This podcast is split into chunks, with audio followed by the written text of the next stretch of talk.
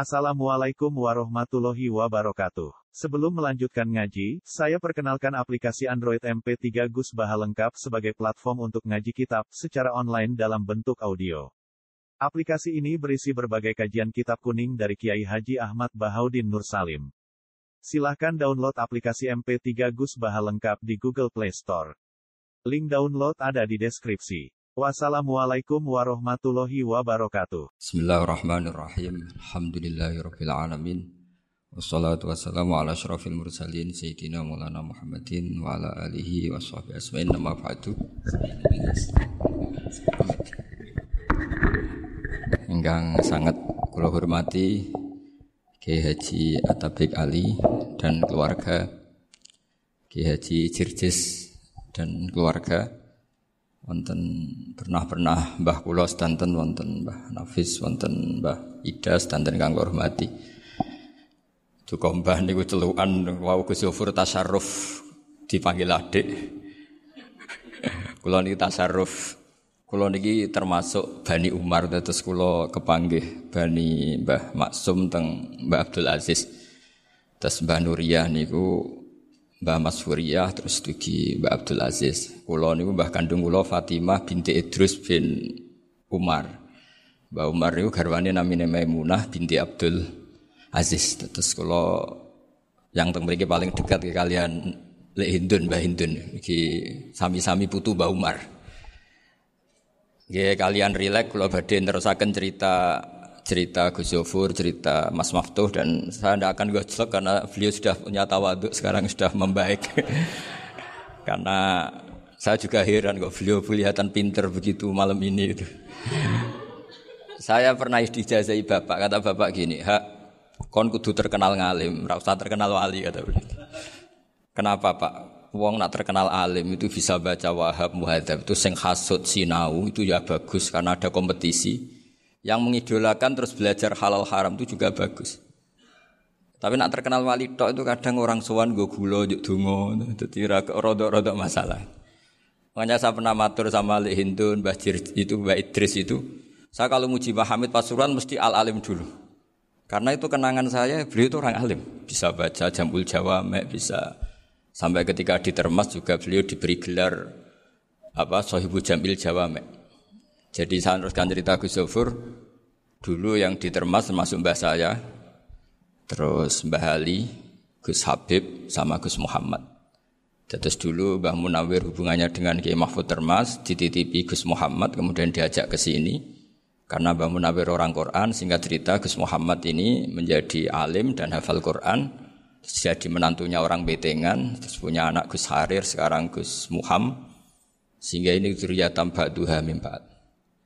Saya sendiri istri dari Mbah Idrus, mbah saya itu orang Kudus, namanya Sofia binti Maksum bin Soleh bin Asnawi Sepuh. Jadi yang Mbah, Mbah Soleh ini dulu gurunya Mbah Soleh Darat ketika ngaji di Kudus. Sehingga silsilah ini harus kita jaga supaya kita punya tradisi yang benar. Saya tidak akan bosan-bosan belajar kitabnya Mbah Ali tentang Hujatul Ahli Sunnah. Memang benar-benar belajar, artinya saya nikmati. Di antara yang saya kagumi yaitu ketika orang lain a priori dengan Ibnu Taimiyah, Bali itu ya kadang uji Ibnu Taimiyah. Tapi ya kadang kritik. Yang dikritik tentu pendapat Ibnu Taimiyah yang tidak membolehkan orang ziarah Rasulullah Shallallahu alaihi wasallam. Tapi yang dipuji adalah Ibnu Taimiyah meyakini bahwa kiraatul Quran itu tanfaul mayit. Itu dipuji-puji sama Bali. Ibnu Taimiyah dikutip, Ibnu Qayyim dikutip. Saya akan cerita sedikit tentang tradisi hujjah. Dulu lama itu kelihatannya sederhana, tapi kalau berargumentasi itu hebat. Tadi Gus Yofur menyebut kitab Basim itu mengharamkan kentong. Beliau masyur itu punya kitab namanya Al Jasus Antahrimin Nakus. Intinya kentong itu haram. Secara dalil ini meyakinkan sekali karena ketika Rasulullah rembukan sama sahabat, kita dengan apa memaklumatkan orang kalau waktu sholat masuk? Ada sahabat yang usul pakai kentong. Dakalin Nasoro itu Nasrani. Ya pakai buk, buk itu semacam trompet besar. Dakalil Yahud. Kemudian ada yang usul kalau gitu api ya Rasulullah dakalil Majus. Sehingga dari hadis itu Mbah Hashim berpikir kentong itu haram. Tapi Mbah Fakih Mas Kumambang itu mengkritik Basim dengan ngarang kitab Hazurus Antahrimin Nakus. Jadi beliau komentari kitab itu sambil geleng-geleng kepala.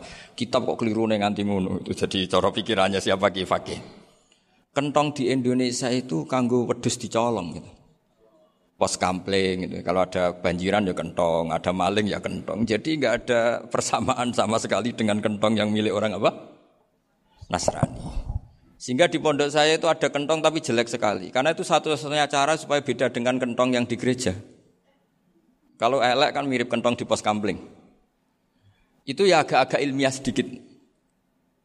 Dulu ceritanya Gus Zofur itu saya teruskan. Itu singkat cerita, itu kalau yang di kejadian di Termas itu Mbak Dimyati sudah nyuruh semua kentong disembunyikan karena mau ada Mbah Hashim. Cerita itu mukaror di Kifake sama di Kiai Dimyati Termas. Setelah kentong dikumpulkan semua, Mbah Hasim datang, seneng. Ngiranya Syekh Dimyati ini sependapat dengan beliau, yaitu sama-sama nggak ada kentong. Tapi setelah itu ada santri yang matur, Mbah Dim pun beres, kentong pun kalau delik danten. itu di depan Mbah Hasim. Jadi GR-nya Mbah Hasim bahwa Mbah Dim itu sependapat akhirnya hilang. Ternyata ini akal-akalan tuh gitu. Karena santrinya matur, Mbah Dim pun beres, danten kentong beduk sudah disembut singkirkan. Itu di depan Mbah Hasim. Sangking lugunya santri, nah sangking ikhlasnya agak ngerti mahal syahid ini adalah Mbah Hasim. Uh, saya mau meneruskan cerita Gus Sofur. Dulu, ini cerita dulu. Dulu Mbah Mun ngaji di Lirboyo, tapi Kiai Makhrus ngaji sama Kiai Khalil Harun. Kiai Khalil Harun itu adik juga sekaligus muridnya Mbah Umar Harun. Mbah Umar Harun itu generasi kedua setelah Mbah Ghazali. Beliau menantunya Mbah Ghazali, tapi ya sudah ponaan. Sehingga tradisi ini penting karena saya berkali-kali bilang di mana-mana. Status orang tua dan mbah itu adalah terserah anak cucunya. Bukan terserah mbahnya, tapi terserah anak cucunya. Saya tidak akan bosan mengingatkan ini. Saya pernah di makamnya Nabi Yakub, itu ya dikemuli bendera Israel. Di makamnya Nabi Dawud. Nabi Ibrahim juga dekat sinagog. Sehingga Quran membela Nabi Ibrahim disebut maka anak Ibrahim Yahudi wala Nasrani. Karena ketika beliau berposisi di Israel, kemudian penguasanya adalah Yahudi, bisa saja makam ini ditulisi dan distatuskan ala Yahudi. Ya seperti Nabi Yakub, Nabi Yakub itu nabi yang kita yakin tentu berkeyakinan beliau orang baik, orang muslim, orang mukmin, tapi karena di desain mereka ya dikemuli bendera Israel dan disebut Abu Yahud. Karena kita tahu nama lain dari anaknya Nabi Yakub adalah Yahuda bin Yakub bin Ishak bin Ibrahim. Sehingga perasaannya orang Yahudi menjadi Yahudi itu yang ngikuti mbah-mbahnya. Nah khawatir saya ketika buyut-buyut kita kaya, buyut saya itu orang kaya dulu, namanya Badur Rahman. Itu kaya sekali, tanahnya banyak. Dulu cerita Mbah Hashim ya kaya sekali. Mbah Maksum juga kaya. Mbah Abdul Aziz juga kaya. Karena dulu itu inginnya kiai itu yuk ketok sugel lah, gak ngel-ngelo santri. Tapi nanti kalau cucu-cucunya sudah tidak alim itu tidak dianggap punya tanah itu karena untuk fasilitas santri. Aku tak kedonyan, mbah-mbahku ya kedonyan. Buktinya tanah yombo. Itu. Karena dia akan menafsiri sesuai cara berpikir. Makanya sanat-sanat keilmuan yang diceritakan Gus Zofir itu harus diulang-ulang. Kalau nggak diulang-ulang, maka kita akan berpikir sendiri untuk menafsirkan masyayikhon al-kiram atau uh, ajdadan al-kiram.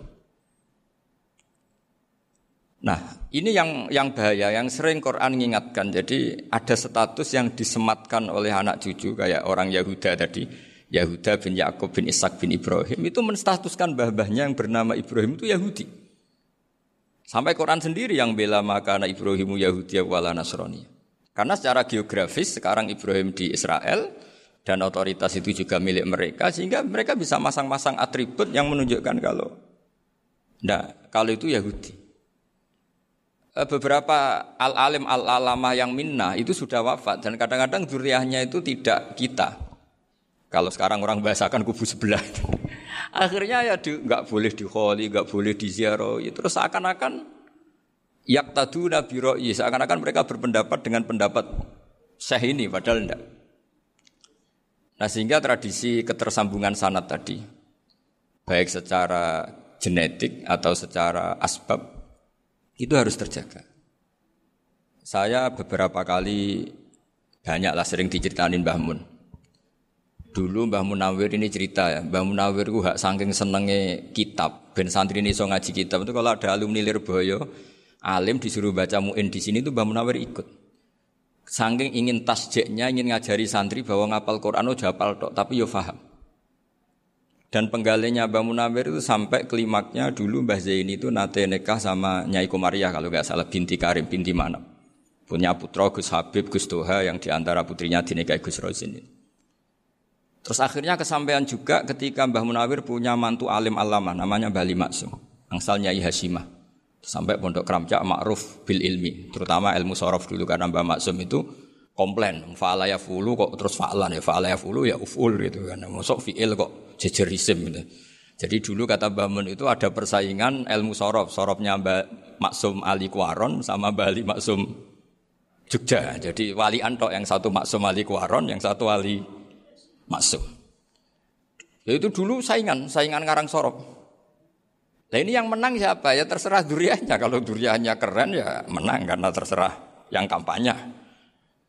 Saya bayangkan adekan Mbah Zubair punya tidak punya anak sealim Mbah Mun. Mungkin kalau Mbah Zubair juga tidak sebuah kalau punya putra Mbah Mun. Karena saya berkali-kali bilang kalau dalam syair Arab itu Eh, kama takar Roma kadang dilafatkan kama tasarrofa bi Muhammadin adnanu. Orang berpikir Adnan itu siapa? Itu karena ada Nabi Muhammad Shallallahu Alaihi Wasallam. Orang mencari-cari Mbah Mun itu mencari Bazuber karena ada Mbah Mun. Orang mencari Batahlan karena ada Bazuber. Wong kok alim ngono iku bapak sapa? Wong kok alim ngono iku putune sapa? Tapi kalau kita ini sudah ndak alim, ini orang sudah nggak tertarik nyari-nyari leluhurnya karena dianggap selesai. Jadi yang dengan tanda kutip yang menghabisi mbah-mbahnya itu ya mesti cucunya itu. Ini mau ngamuk, mau peringatan, tapi ini juga peringatan pada diri saya sendiri. Jadi sehingga zuriyah ini penting. Kenapa para nabi mesti dongo zuriyatan toiba? Kenapa selalu berpikir tentang zuriyah? Wajah Allah kalimatam baqiyatan fi akibi. Karena zuriyah ini yang nanti bisa menstatuskan leluhurnya. Seperti tadi cerita Mas Maftuh ini tak puji betul. Saya hari ini tidak ingin gojlok supaya kewalian saya tidak tergerus oleh kedoliman. saya pernah diceritain Gus Zofur juga sering baca buku tentang Mbak Maksum. Dulu Mbak Maksum kalau wasiat kembali ya gitu. Kamu harus NU dan harus mempertahankan NU, tapi tidak dengan cara membenci Muhammadiyah. Dulu Mbah Mun juga sering cerita, dulu Mbah Hashim itu ngaji Syekh Mahfud. Nah, Mbah Ahmad Dahlan dulu namanya Darwis sering ngaji sama Syekh Khotib Minangkab. Zaman itu Syekh Khotib sudah modern, sudah ikut gerakan Abdu, gerakan Almanar. Sehingga bawaannya Mbah Ahmad Dahlan ini agak-agak agresif. Yang Mbah Hashim karena hanya mulazim di Syekh Mahfud, hanya sesekali ngaji Syekh Khotib, beliau lebih seperti itu. Dan dua beliau ini sama-sama pernah ngaji Mbah Soleh Darat di Semarang. Mbah Hashim sama Mbah Ahmad Dahlan yang dulu namanya Darwis. Jadi ini masih min min syikatin wahidah mimam bain wahid. Sehingga kita tidak kaget ketika Mbak Ali Maksum mengomentari Muhammadiyah itu masih ahli sunnah wal jamaah. Makanya nanti terakhir saya baca kitabnya Mbak Ali dan sering saya pelajari. Andai kan kita ini sepakat dengan ilmu, ya kita tahu lah. Kalau Abu Hanifah itu tidak kunut, Imam Syafi'i kunut, berarti kunut itu madhabnya Abu Hanifah, bukan madhabnya Mbak Ahmad Dahlan. Apa tidak kunut itu madhabnya Abu Hanifah, bukan madhabnya Mbak Ahmad Dahlan. Kita kuno itu madhabnya Imam Syafi'i bukan madhabnya Mbah Hashim. Ini semuanya masih dalam bingga ilmu. Adzan qobla subhi juga riwayatnya jelas. Tidak adzan ya sudah perilaku kita sudah jelas. Dulu Mbah Mun sering didik kita gitu. Saya sering dengar cerita kalau dulu Pak Arif Fakhruddin begitu hormat sama Mbah Ali, apalagi duriahnya Mbah eh, Azhar Basir, nah beliau dulu do ngaji di Termas. Dulu itu gak ada masalah karena semuanya dianalisis pakai ilmu. Tapi sekarang pakai identitas yang kunut tuh NU yang nggak kunut Muhammadiyah. Berarti Abu Hanifah itu Muhammadiyah, Imam Syafi'i itu NU. Berarti Imam Syafi'i itu ya anak buahnya Ki Iftahul Ahyar kira-kira gitu karena, karena anak buahnya Pak Said Akil. Kan terus jadi repot. Dulu kita ini pengagum ilmu bukan pengagum perbedaan. Sehingga di sini yang saya kagum dari sekian ceritanya Mbah Ali Maksum, supaya kitab ini tuh poin supaya nggak lama-lama karena waktunya juga nanti kalau kemalaman ini kena semprit ini sudah ini di antara yang diceritakan Bali itu unik Imam Syafi'i itu sering tawassul, sering wasilah sama siapa itu?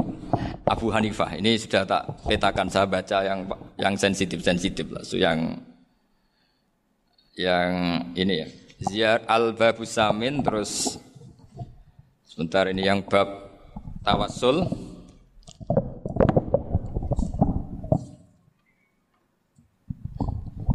Ini halaman 90 mungkin santri-santri kerapyak bisa ngecek lagi di kitab Hujatul Ahli Sunnah. Ketika cerita tawasul di antara yang diceritakan Bali Maksum adalah perilaku ya, bukan sekedar statement tapi apa? Perilaku. Perilakunya Imam Syafi'i atau ahwalnya kalau bahasa halusnya yang selalu ke makamnya Abu Hanifah untuk tawasul. Padahal Imam Syafi'i itu orang yang secara ilmu sering kritik Abu Hanifah. Jadi ini saya baca ini di halaman 100 jadi tawasul mulai halaman 9 berapa ini? Sampai halaman ini yang saya Qala sami'tu Syafi'iyya yaqul inni la atabarraku bi Abi Hanifah wa aji'u ila qabri fi kulli yaumin za'iran. Fa idza uridat li hajatun shallaitu rak'atain halaman 100 waji'tu Wa sa'altu wa ta'ala al-hajat indahu fama tab'udu anni hatta tuqda. Kana al-imam Syafi'i ayyama huwa bi Baghdad yatawassalu bil imam Abi Hanifah yajiu ila dorihi fayusallimu alaihi wa yatawassalu ila Allah bihi fi qada'i hajati.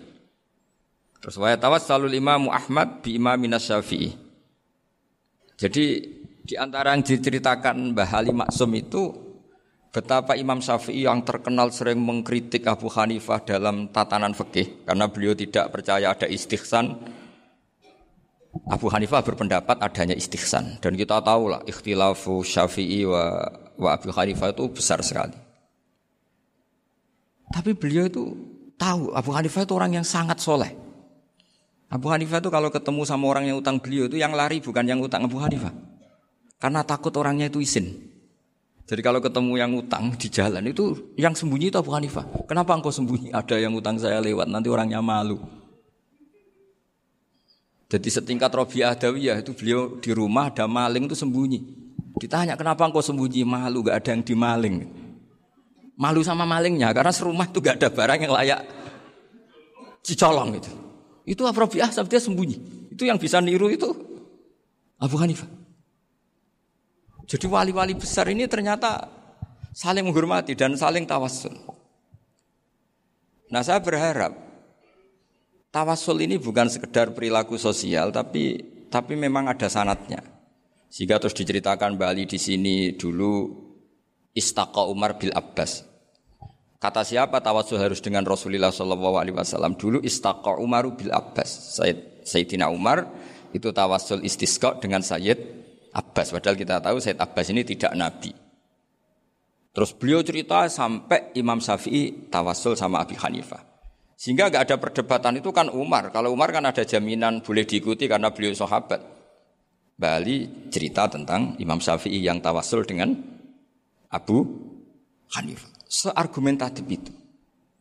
Maka saran saya kepada alumni kerapnya, santri-santri kerapnya, karena saya hanya berani ngomong sama santri kerapnya, sama mas saya ada berani kalah sepuh. Itu tradisi keilmuan itu harus dijaga dengan hujah dan dengan tadwin, dengan pembukuan. Saya punya sekian cerita ya, misalnya dulu kita mungkin iskal, iskal itu janggal. Kenapa sih orang Islam tukaran sama orang Islam itu? Sehingga di antara doa Nabi yang enggak dikabulkan Allah, enggak boleh dikabulkan sama Allah nggak boleh, bukan berarti nggak mustajab. Redaksinya famana aniha, memang nggak boleh. Redaksinya bukan falam yastajib lahu, tapi famana aniha. E, di Almarroh Asalisa ini Nabi dilarang, yaitu melarang umat Islam itu jangan sampai tukaran sama umat Islam sendiri. Itu kata Allah, ya ndak bisa kata Allah kalau itu tidak saya kabulkan. Itu dulu guru-guru kita nyontohkan sederhana. Kira-kira kalau saya tukaran wek Gus Zofuru, mbah ikhlas dibanding ditukari wong liya. Nak no kakak ditabuk adik, wong tua lewat ikhlas timbang ditabuk tonggo. Barokahnya membaca kita lebih mentoleransi. Kalau ada Mbah Hashim dikritik Mbah Fakih Mas Kumambang, kita ikhlas itu. Tidak dikritik guru PAUD, itu kan.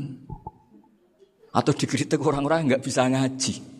Artinya Ternyata keliru kita bilang kiai kiai kok tukaran. Justru bagus kiai kiai tukaran. Dibang kiai dikritik guru paut atau dikritik orang-orang yang nggak bisa baca kitab.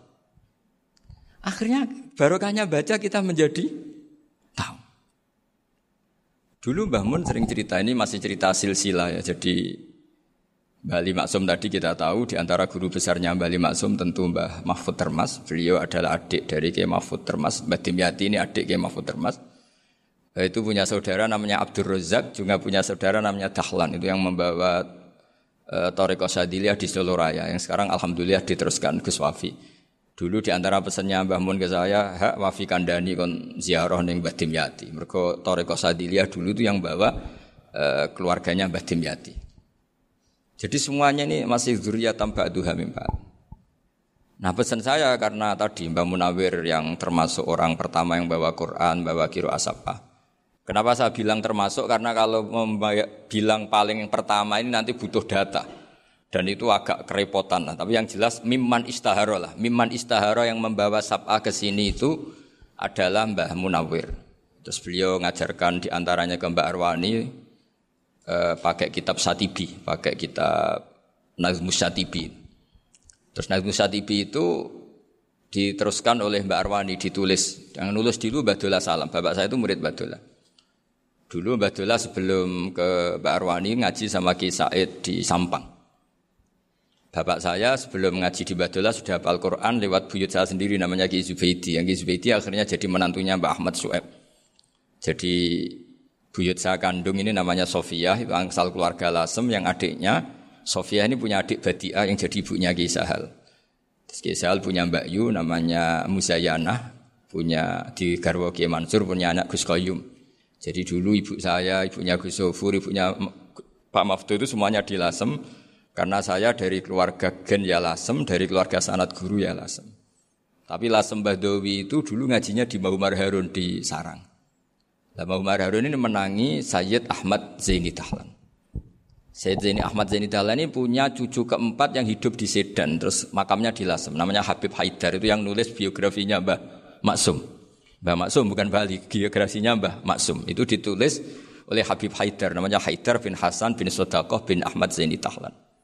Habib Haidar ini menantunya Sayyid Hamzah Sato. Hamzah Sato itu Hamzah bin Abdullah bin Umar. Itu kakaknya Sayyid Abi Bakar Sato, Sohibul Iana.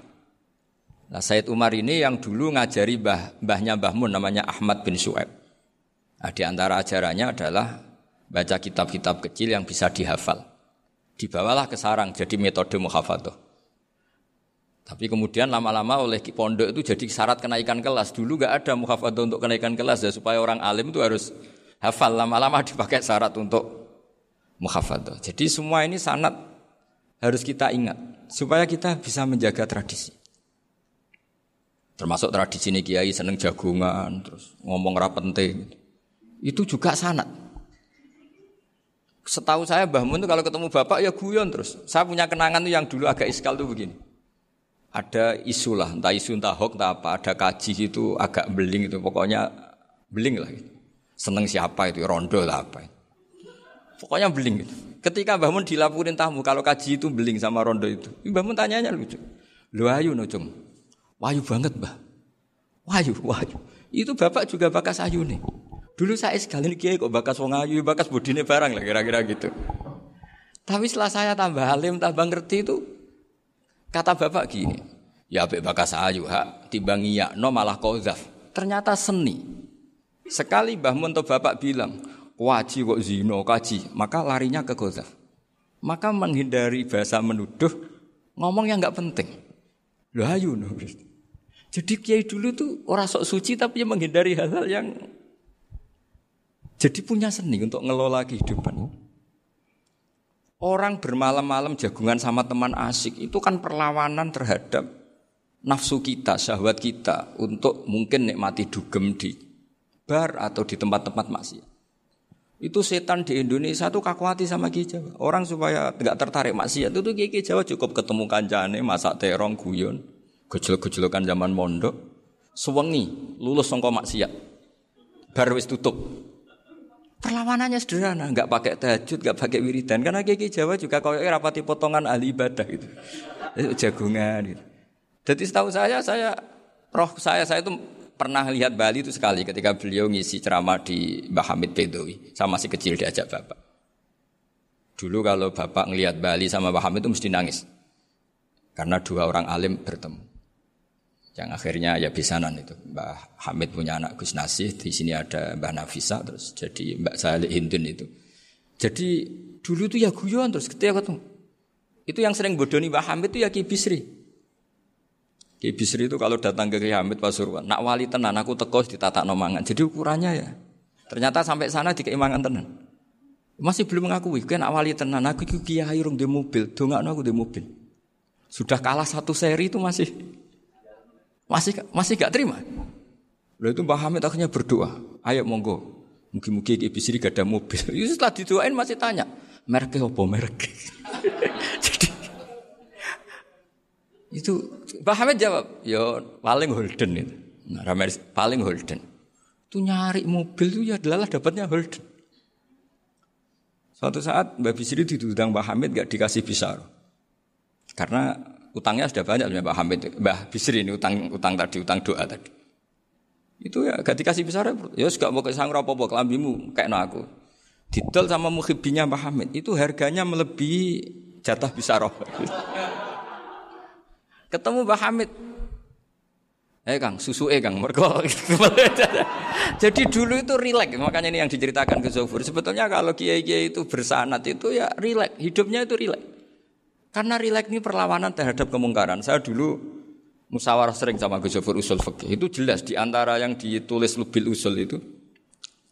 Ya kita tahu tadi misalnya sanat usul fikih, Mbah Ber itu sangat al-usuli Kiai Zubair Dahlan, abahnya Mbah Mun.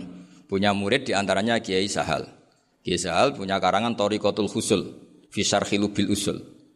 Itu Torikotul Husul itu beliau ngendikan dalam mukaddimah bahwa saya bisa mensara ini berdasar ngaji maknani sama Basibir. Terus beliau mengutip sarah itu dari kitab Nailul Ma'mul. Beliau ngendikan binus khotin khotiyah ghairi matbu'ah. Dan itu ditemukan di Kiai Mansur di Lasem. Karena Kiai Mansur iparnya Mbah Sahal. Mansur bin Khalil Khalil itu di antara katibnya Syekh Mahfud. Jadi semuanya ini sambung. Mbah saking ahli usul fikihnya, kalau ngajar usul fikih itu kalau guyon takriran saya ini lebih memahamkan ketimbang Sarah. Ya sudah terus Mbah Zubair, Ki Fakih, terus Syekh Mahfud. Di sini Syekh Mahfud termasuk orang yang dekat Mbah Munawir sampai putrane Mbah Mahfud namanya Gus Muhammad dibawa Mbah Munawir kemudian mondok di Termas di antaranya terus Din Ekah jadi menantunya kalau nggak salah Haji Taslim di Betengan, kemudian sekarang juriannya Mbak Mahfud di Betengan. Ini nggak boleh hilang secara seperti itu di antara di usul fikih diterangkan. Ketika di antara lima hukum itu ada yang bernama mubah. Mubah itu boleh dilakukan, boleh ditinggalkan, dan kalau dilakukan ya tidak berpahala, tidak disiksa. Itu ada ulama yang protes. Protes nggak bisa seperti itu. Ithma min mubahin ila wa tahaqqaqu bihi tarku haramim ma. Fail zamu minas sukun tarkul kotli wa minas sukun tarkul kodaf. Tidak bisa, mubah itu tidak ada. Kalau kiai jagungan semalaman, itu Allah ngitungnya itu hada taruka dugem, wahada taruka delok dangdut, wahada taruka kada wakata. Oh, itu luar biasa. Dan kita ngikuti yang seperti itu saja. Gak usah tahajud, gak usah witir telulas, kaya ya kuat timbang gremeng. Sewengi jagungan, setan ngenteni kita tergoda maksiat, ternyata maksiatnya sampai tutup, kiainya masih apa? Jagungan. Jadi jagungan saja ada ilmunya bahwa itu perlawanan terhadap tarkul ma'asi. Sehingga bagaimana Anda katakan mubah ini mubah, toh gunanya adalah tarkul haram. Meskipun efek mubah juga bisa tarkul wajib, wae bojo blonjo turu. Ya karena Wayang rumah ibu eh turu. Itu halal wajib. Jadi mubah itu resikonya ya bisa tarkul wajib, bisa tarkul.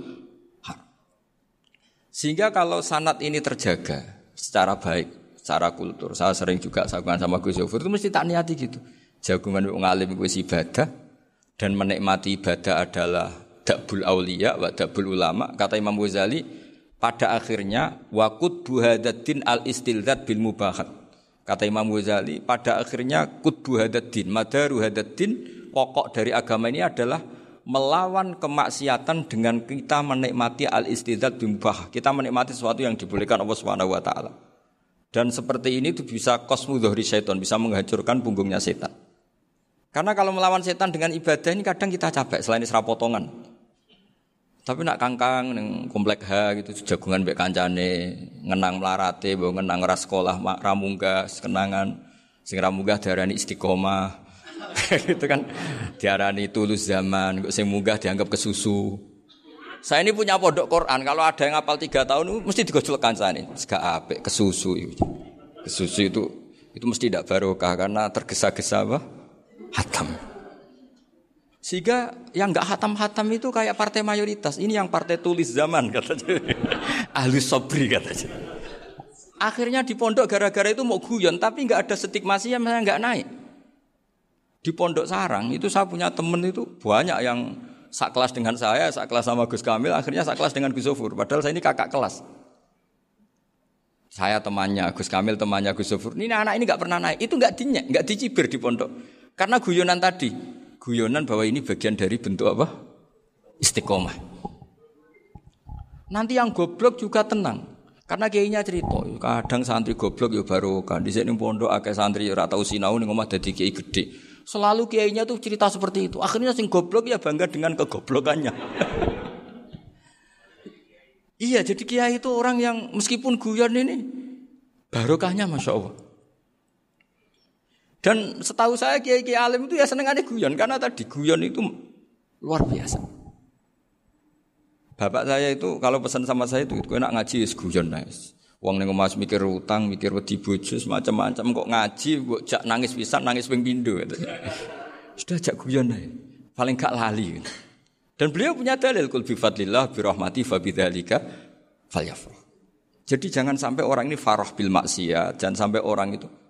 Dan ini yang saya kenang dari sekian cerita murid Bali, Mbah Ali Maksum ya senang guyon. Gejol-gejolkan mbek santri guyon. Ini saya maklumatkan ke semua santri beliau bahwa ini bukan sekedar guyon. Tapi al istildat bil mubahat. Ini adalah perlawanan terhadap setan karena banyak orang bisa senang tuh kalau nunggu maksiat. Ini bisa senang dengan sesuatu yang tidak maksiat. Itu kayak apa hebatnya? Makanya Nabi itu kalau ketemu sahabat ya sering ngendikan yang ringan-ringan. Ya Umar, maafalan duher, jong, mana ije. Kalau ketemu anak kecil ya. Nanti ketemu yang tua-tua yang sudah nggak bisa mikir, ya ya tetap riang. Sehingga ada cerita dalam sebuah tafsir, ya saya ulang lagi ada cerita di sebuah tafsir, kenapa Nabi Musa ditanya Allah, wa matil kabiyami nikaya Musa. Ma'ana wa ta'ala a'lam, tentu Allah sangat tahu yang dibawa Musa itu apa. Karena Allah tahu Nabi Musa itu grogi. Orang dipanggil Bali Maksum pasti grogi, santri dipanggil Bahmun pasti grogi. Kenangan saya setiap dipanggil Bahmun ya mesti tanya, yang ringan-ringan, wis sarapan ya. Arung sarapan ya sarapan. Pas sarapan ya, ya kan tanduk mangan sing enak wong santri ora tau mangan enak. Ya enggak pernah ngomong yang penting, ngendikan yang penting. Nah, karena Nabi Musa ini grogi, ini sebagian tafsir. Itu ditanya yang ringan, sake iku gowo apa? Karena pertanyaannya ringan, Nabi Musa juga ringan. Ya Nabi Musa itu sampai lali, iku pangeran sing ya sirra wa akhfa. Diterang. Niki tongkat Gusti. Gunane kathah Gusti tongkat iki. Qala ya aso ya atawakkau 'alaiha wa ahusyu fiha ala ghanami wal ya fiha ma'arifu ukhra. Oh, tongkat Gusti ini penting Gusti. Nggih nak Nggih macam-macam lah Gusti. Atawakkau 'alaiha wa ahusyu fiha ala ghanami kangge menghalokan wal. Masih terang terakhir dan yang lain-lain Gusti wal ya fiha ma'arifu ukhra. Sehingga akhirnya rileks. Karena Nabi Musa terus ngerti. Ternyata ketemu pangeran itu gak seserem yang saya bayangkan gitu. Pertanyaannya ringan ringan. Itu ada ilmunya. Tapi cerita ini yang versi tafsir ini tidak yang seperti di mana Kibul Ghazali. Di beberapa kitab tentang mana Kibul Ghazali diceritakan di alam roh Nabi Muhammad Shallallahu Alaihi Wasallam itu yubahi bi umati, saking yubahinya sampai ngendikan ulama umati ke Ambiya Ibn Israel. Ulama umatku itu pinternya atau statusnya itu mirip-mirip lah. Kaf itu ya mirip-mirip lah, mirip-mirip kayak ulamanya apa nabinya Bani Israel. Akhirnya Nabi Musa itu tersinggung sekali. Bagaimana mungkin ulama disamakan dengan apa? Nabi. Sehebat-hebatnya ulama itu kan tidak akan apa yabluhu darujatan nubuah atau yartaqi la darujatin nubuah. Itu akhirnya ya kalau kamu nggak percaya panggil. Yang dipanggil Imam Ghazali. Ya Nabi Muhammad juga gak mau kalah gitu. Kalau manggil ulama RT ya kalah keok gitu. Akhirnya Imam Ghazali datang, ditanya sama Musa, Mas Muka, nama kamu siapa? Ana Muhammad bin Muhammad bin Muhammad Al-Ghazali At-Tusi Asy-Syafi'i. Itu disebut panjang sih. Nabi Musa guyu-guyu. Kamu lama kok ngomong yang nggak penting. Ditanya namanya kok penjelasannya sepanjang itu. Dianggap itu satu kesalahan. Masa tanyanya nama kok ditanya. Jawabnya Muhammad bin Muhammad bin Muhammad Al-Ghazali Atusi Asyafi. Kepanjangan itu. Ketika Nabi Musa agak agak mencibir, agak-agak gimana itu. Terus Imam Ghazali, kalau ini masalah, lebih masalah jenengan. Apa itu? Yang tanya jenengan tuh Allah ya alamu sirra wa akhfa dan Allah hanya tanya wa ma tilka biyaminika ya Musa. Harusnya jenengan jawab aso ya titik bukan kepanjangan. Atau kau alihah wa itu kepanjangan. Allah tanya yang di bawah kamu itu apa? Yang di tangan kamu. Harusnya jawabnya hanya aso ya. Tapi kenapa penjelasannya sepanjang itu? Sampai terakhir waliya fiha ma'aribu ukhra. Terus pinter tenan jadi gitu. Terus ada Nabi Muhammad, Nabi Musa terus bilang, ya ya pinter tenan jadi gitu. Padahal kita tidak pernah GR seperti itu kan kebetulan Imam Ghazali gitu. Kalau yang lain mungkin ya keok lah kira-kira gitu. Tapi ini cerita. Cerita dalam khazanah keilmuan. Benar yang dikatakan Gus. Saya termasuk orang yang pernah mondok Lirboyo pasanan. Jadi setelah saya disuruh nemani Gus Kamil, tahun berikutnya Gus jenengan disuruh. Pokoknya anakku Mbah sak wulan lah kudu tahu mondok Lirboyo. Piye aku tahu ngaji Wakarim. Terus yang disuruh Mbak Turi Gus Kamil itu saya. Jadi saya pernah satu bulan tuh di Lirboyo. Karena saya ini santri beling ya, kontraknya pokoknya penting ziarah Bakarim. Biasanya nggak pernah ngaji, ya, pokoknya gerbar ngisa. Ziarah ya sudah. Ngaji subuh ingat saya sama Gus Imam. Itu dari 17 hari ingat saya ngaji dua kali. Tapi kalau ziarah ke Bakarim sudah lupa jumlahnya karena memang kontraknya disuruh ziarah. Sampai seperti itu. Dan saking senengnya bangun sama Mbak Karim sama masih ingat. Ngamplopi salam template itu masa masih ingat untuk Gus Anwar, untuk Gus Imam, untuk Gus Kafabi, termasuk untuk Gus Maksum. Itu malam-malam saya dijak ngamplopin. Zaman itu sama masih ingat selawewu. Zaman itu kos satu bulan itu 13 ribu. Jadi kira-kira kalau 25 ribu itu untuk kos dua bulan. Jadi saya krusnya itu pakai kos. Saya masih ingat mondok sarang itu kos satu bulan 13 ribu. Berarti kira-kira 500 ribu itu di amplopin sendiri sama Bang. Ini untuk Gus War, ini untuk Gus Imam, ini untuk Gus. Padahal Gus Imam ini mondoknya sudah dibangun. Itu bangun hormatnya sampai untuk jatah salam template. Nah yang ribet kebalikannya kita pulang Gus Imam karena melihat Gus Kamil ini putrane Mbah Mun, Gus Kamil disangoni. Saya juga disangoni karena Gus Imam dulu ngaji juga sama Pak D saya. Sama keluarga saya. Itu kata Gus Kamil setelah keluar. Mau kamu nih gue abal ya, boten. Berarti gue aku. Karena ini penting. Kalau sampai dianggap tukar guling, ribet deh. Jadi ditakwil sendiri lah. Mau kamu nih gue abal ya, boten wis. Yes berarti halal. Tapi sama Mbak Mun ya ditanya. Ditanyanya bukan papa karena untuk meneruskan tradisi bahwa kalau kiai ketemu itu ya saling memberi hadiah, saling itu sudah fakat timu bene adena juakum apa? Sotaku. Sehingga ketika Kapya ini punya Bali Maksum Alim Alama, kemudian melahirkan murid-murid yang juga ipar kayak Mbak Warsun bisa ngarang apa Kamus Al Munawir, Pak Bik juga punya karangan Kamus Al Muasir. Saya itu punya semua. Karena ini adalah buah dari bahwa kita ini tidak kalah sama produk-produk yang di sana. Bahwa produk di kita ini sudah cukup untuk mengantarkan orang menjadi alim alama. Dulu Mbak Zubair ke Mekah ya sudah alim alama. Gus ke Al-Azhar sudah alim. Semua Teman-teman kita ke Mekah itu sudah alim semua. Padahal produk mondoknya ya tadi. Mau digojlok kiai ini, terus mangkal be keamanan biasanya. Itu. Biasanya musuh besar pondok itu keamanan. Jadi ya bukan berarti gojlok ibunya Gus Mafto enggak. Biasanya keamanan itu musuhnya musuhnya apa? Banyak. Jadi cerita-cerita saya mohon sekali murid-murid kerap ya Jangan hanya ngaji fikih. Kalau hanya ngaji fikih itu posisi Abu Hanifah itu seakan-akan nyun orang yang sangat tidak ahli hadis. Karena beliau di situ kelihatan kalah sekali dengan Imam Syafi'i. Apalagi di perdebatannya Muhammad bin Hasan Asy-Syaibani dengan Imam Syafi'i itu kelihatan sekali betapa Abu Hanifah itu orang yang nyun ditinggalkan dalam ilmu hadis. Sampai beliau hanya dapat gelar min ulama ahli ra'yi termasuk ulama yang kuat logikanya. Juga harus baca kitab-kitab seperti ini. Ternyata di balik Imam Syafi'i mukhalif pada beliau di bab-bab fikih, perilakunya sangat hormat. Sampai beliau tuh kalau tawasul ke kuburannya Abu Hanifah. Dan beliau ngendikan an-nasu fil fiqhi iyalun ala Abu Hanifah. Semua orang yang ahli fikih itu masih anak buahnya Abu Hanifah. Saya berkali-kali cerita, mazhab Syafi'i itu alat tadhir hanya dua, yaitu alma wa turab. Abu Hanifah nambahi wanar. Alasannya Abu Hanifah orang mukmin yang dosanya banyak itu dibakar di neraka dan alasannya Allah litadhirihim untuk mensucikan mereka. Sehingga pikirannya Abu Hanifah an-nar itu min alatit tadhir. Apa yang terjadi ketika bata itu batu bata yang dibakar di situ campur teletong campur apa-apa itu kalau sudah mazhab Abu Hanifah selesai sudah suci karena sudah ngelewatin pembakaran.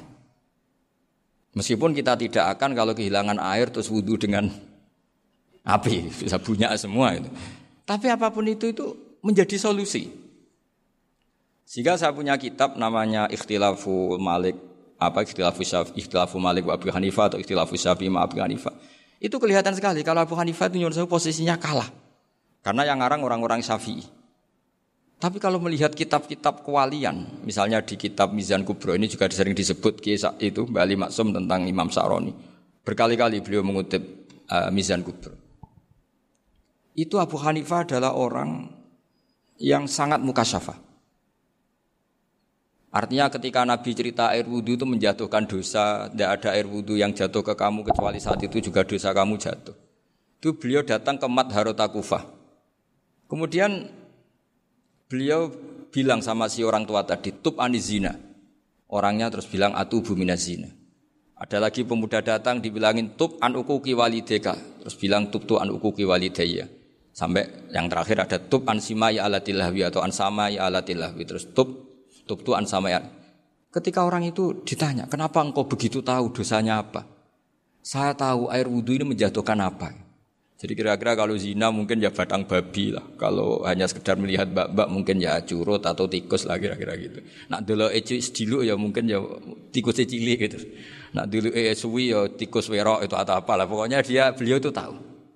Tapi anehnya Abu Hanifah apa? Setelah itu dia nangis minta muka safahnya ditutup. Ya Allah, saya ini muka safah kok malah menjadi tahu sawatil mukmin. Padahal aturan syariat jenengan man satara musliman satara huwa bahwa enggak baik melihat jeleknya orang mukmin. Minta ditutup. Makanya saya ini bangga ada muka safah. Makom yang kita sampai sekarang tuh makom setelah Abu Hanifah muka safah. Jadi Abu Hanifah repot-repot muka safah minta makomnya ditutup tidak menjadi kasafah. Dan alhamdulillah kita sudah hendak muka safah sebelum minta ditutup. Jadi kita ini keren. Keren karena aturannya itu man satara musliman satara huwa yang tidak tahu aibnya orang muslim maka Allah akan nutupi aibnya di akhirat. Dan kita alhamdulillah barokahnya ndak muka safah, ndak ngerti aibnya orang mukmin. Jadi kita harus pakai patokan ilmu. Saya ulang lagi, kita harus pakai patokan. Makanya saya tahu betul ketika Kiai Hamid Pasuruan, beliau dulu ngaji Jamul Jame, ngaji Juman, Bali Maksum di sana sama Gus Habib, sama Gus Muhammad bin Mahfud.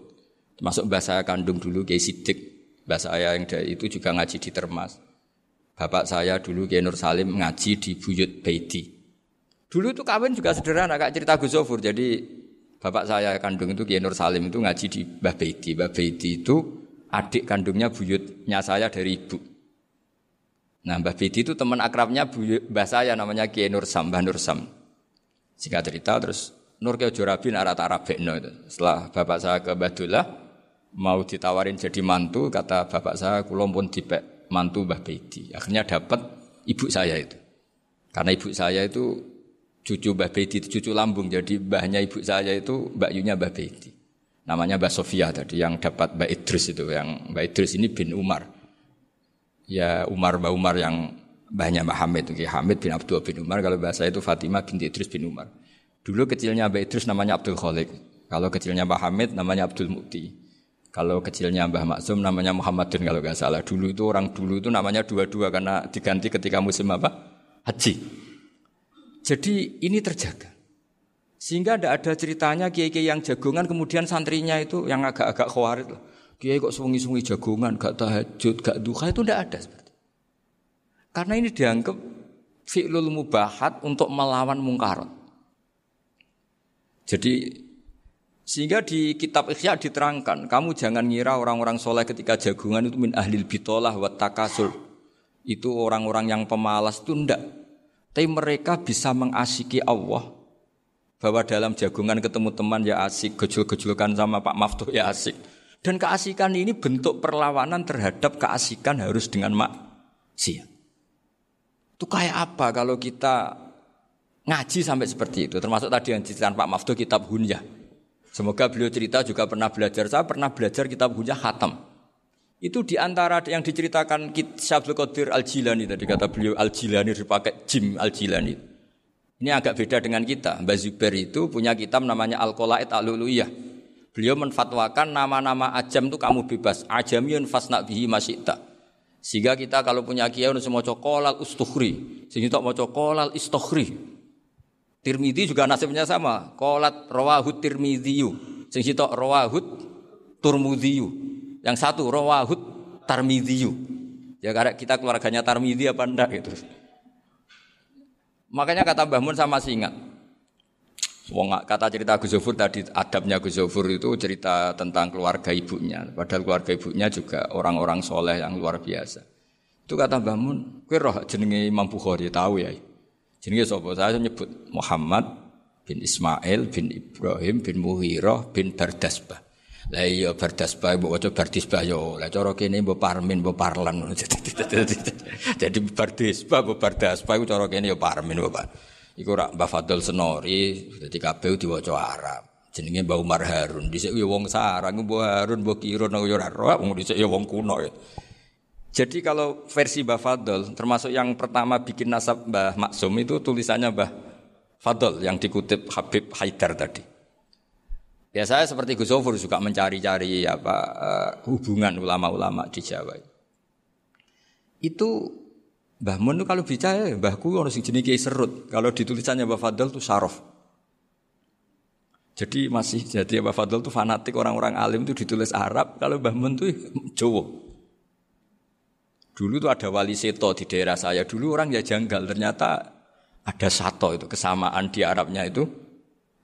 Sehingga kiai-kiai itu ada fanatik Tirmidhi, Turmudi, Tarmidi, Jilani, Jailani karena ajamiyun fasna fihi Masita. Jadi kalau nama-nama ajam wis monggo lah baca sekenanya sementing. Uh, cuma mungkin tahkiknya benar Pak Mafto tadi memang di Mujamul Buldan itu Al-Jilani Bikasri Jim ya sudah kita baca Al-Jilani. Sebab itu kayak Pondok Pelosok Lirboyo itu menurut saya bagus. Orang itu maknani betul sama gurunya. Kalau sarang enggak. Kalau Pondok Lirboyo, pondok yang tadi ternyata keluarga Mbah Munawir sini pernah bisanan yaitu Mbah ini uh, pernah nikah sama Nyai Komariah ya kalau nggak salah, punya putra Gus Habib ya, Pak Toha dan sebagainya. Itu betapa hubungan pondok Quran sama pondok kitab dulu itu nggak pernah terputus. Bapak saya selapal Quran itu dulu ngaji Bazuber. Jadi bapak saya sering ngutip mu'en apa. Padahal bapak saya itu terkenal tuh. Beliau cita-citanya itu saya ingin hafal Quran kayak hafal Fatihah. Beliau itu sampai sepulahnya sekali. Karena beliau inginnya hafal Quran kayak hafal Fatihah. Termasuk murid terbaiknya Mbah Dullah bapak saya itu ya ngaji kitab. Sehingga kata Mbah Mun, jadi Mbah Munawir de mantu Bali Maksum, itu ya sudah penggali. Sudah penggali dituruti pangeran. Lahirlah seorang Bali Maksum yang membawa. Jadi dulu itu ya Gus Muhammad yang ngaji di Termas, nanti Mbak Arwani sebelum ngaji di sini ngaji di Tebu Ireng. Sehingga Mbak Arwani bisa ngarang kitab. Beliau ngarang kitab tentang sabah. Faidul Barokat namanya. Ya nulisnya ya fasih ya. ya. Saya punya tulisan tangannya Mbak Arwani itu banyak. Saya juga punya tulisan tangannya Mbak Asim Asari ketika nyurati buyut saya yang di Damaran itu pakai bahasa Arab. Jadi dulu itu Mbak Ali Maksum juga sama. Surat-suratannya dulu sama tokoh-tokoh Muhammadiyah ya bahasa Arab. Nah ini harus kita dengar dari abna dari bahwa Mbak Maksum kemarin yang diceritakan Gus Zafur di Khol Mbak Maksum Kue kudu belo NU, kudu tetap NU, tapi bukan dengan cara membenci Muhammadiyah. Tadi Pak Maftuh menguatkan sanat itu dari Pak Atabik bahwa Muhammadiyah termasuk ahli sunnah apa? Karena sama-sama tidak sabus sohaba, sama-sama ikromus sohaba, dan sama-sama bermadhab. Nah soal akhirnya ada beberapa yang usrapati seneng ngaji, ini yang agak ribet. Tapi kamu tidak usah ngeritik Muhammad ya gak seneng ngaji, kayaknya juga sama kita nggak seneng ngaji juga banyak itu. Jadi kalau ngeritiknya masalah itu kan kita ya agak-agak agak-agak sama. Ya jadi ternyata di sini terus ini yang terakhir supaya nggak lama-lama Bali juga punya sisi keras. Keras sekali. Jadi dalam hal-hal yang khas ini di halaman 87.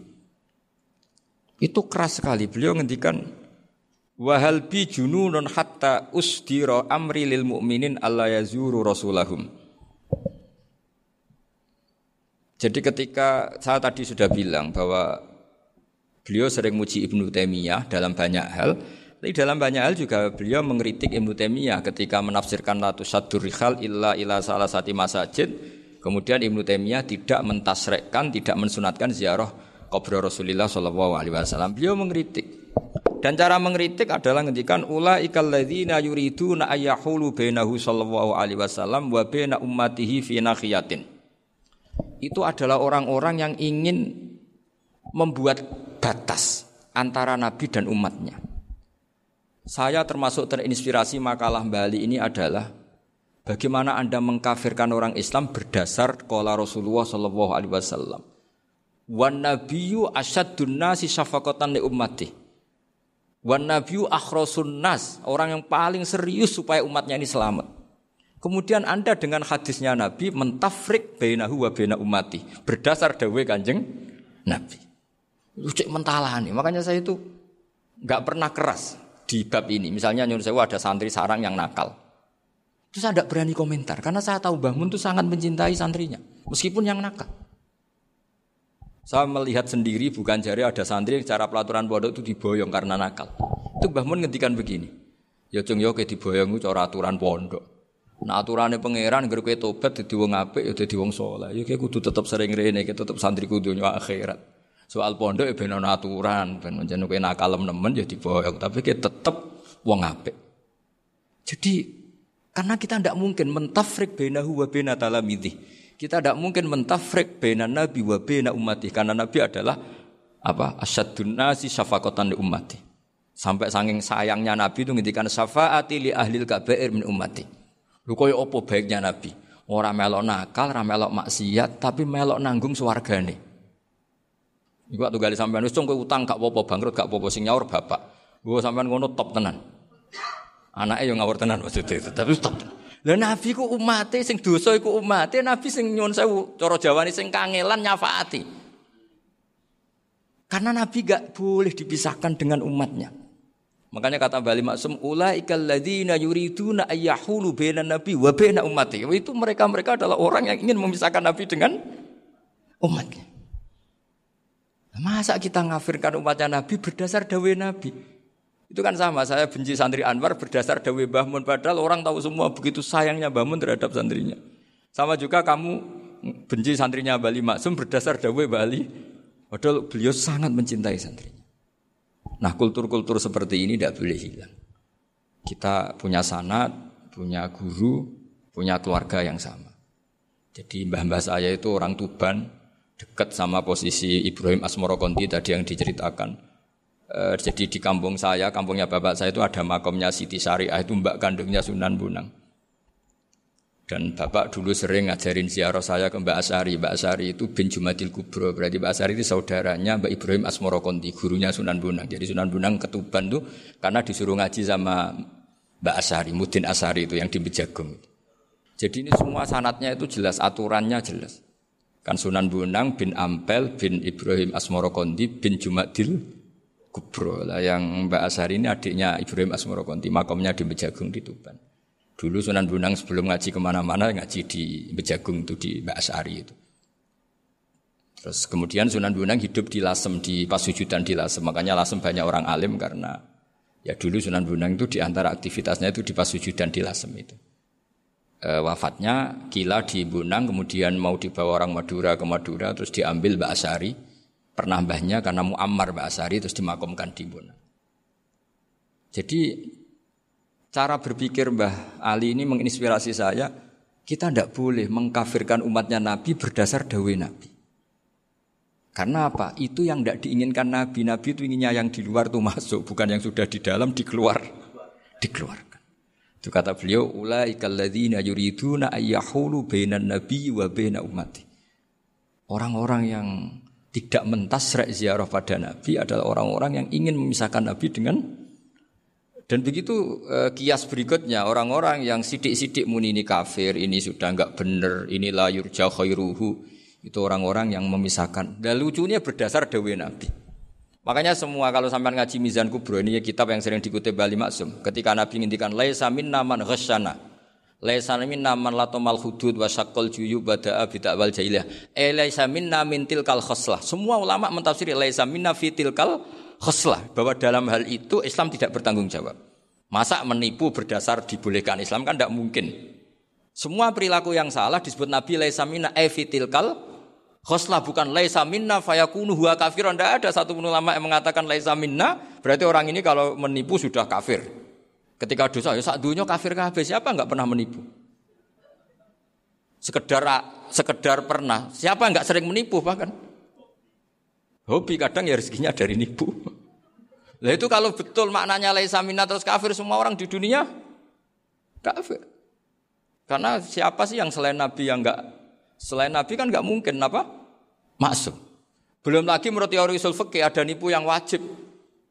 Ya kan misalnya kita orang baik ketemu orang dolim yang memburu perempuan mau diperkosa terus bersembunyi yang kita tahu. Kita wajib nipu apa wajib jujur? Ketika orang dolim tanya, perempuan tadi ke mana? Wajib nipu apa wajib jujur? Wajib nipu karena kalau kita jujur berarti memberi peluang orang dolim menemukan buruannya. Jadi betapa alimnya dan ketika kitab Mizan Sa'roni dipakai Bali, dipakai Mbah Mun, saya pernah ngaji Mbah Mun, terus kita tahu maknanya laisa minna evi tilkal khoslah. Sehingga kita tidak mengatakan laisa minna dengan terjemahan letterlek tidak termasuk umatku. Kita tidak akan menambahi fakta frek fayakunu kafiran tidak akan selamanya. Karena maknanya laisa minna evi tilkal khoslah. Kenapa kita selalu begitu? Karena nggak mungkin kita memisahkan umatnya Nabi dengan kanjeng Nabi berdasar dawe kanjeng Nabi. Karena Nabi adalah berstatus bil mukminina raufur rahim. Ya terus ini mohon maaf sekali ini yang saya bisa tapi saya mohon kajian kitab ahli sunnah saat tadi sudah matur Gus Afif eh, Gus Picon ya, supaya kitab ini ditakriri lah supaya apa ya lebih apa ya. Dan yang nanti harus santrinya jangan bebankan saya. Ini santri yang pernah mulai sama-sama. Biasanya kalau orang NO pesantren terus orang usul gijengan mawon Senengnya lempar-lemparan. Itu kata bapak saya, tawaduk itu keliru aja. Tawaduk itu aslinya wong rata tanggung jawab. Ben ketok islami, bebo tawaduk aja. Jadi tawaduk itu orang yang sebetulnya agak punya tanggung. Ben kesane islami pura-pura. Tawaduk. Jadi, tapi saya mohon, nah ini kitab ini bagus sekali. Di antara yang saya senang adalah beliau cerita kalau Imam Syafi'i sering tawasul sama Abu Hanifah. Padahal kalau kita ngaji di kitab-kitab fikih, Abu Hanifah itu kayak tersangka lah di bab ilmu apa? Hadis. Sampai biasa kan di kitab Minhajul Talibin, wale sali Abi Hanifah hadisun sahihun. Jadi habis cerita madhab Malik, madhab Syafi'i itu. Wale sali Abi Hanifah madhabun apa hadisun. Wah kasihan ini. Tapi kalau kamu ngaji Mizan Kubro, Abu Hanifah ini dapat posisi. Karena mesti Mizan Kubro ngendikan Faroja al-amru ila Faroja al-amru ila martabatayil mizan. Kemudian dua madhab ini sama-sama benar, tinggal kamu milih yang musyadid apa yang mukhaffif.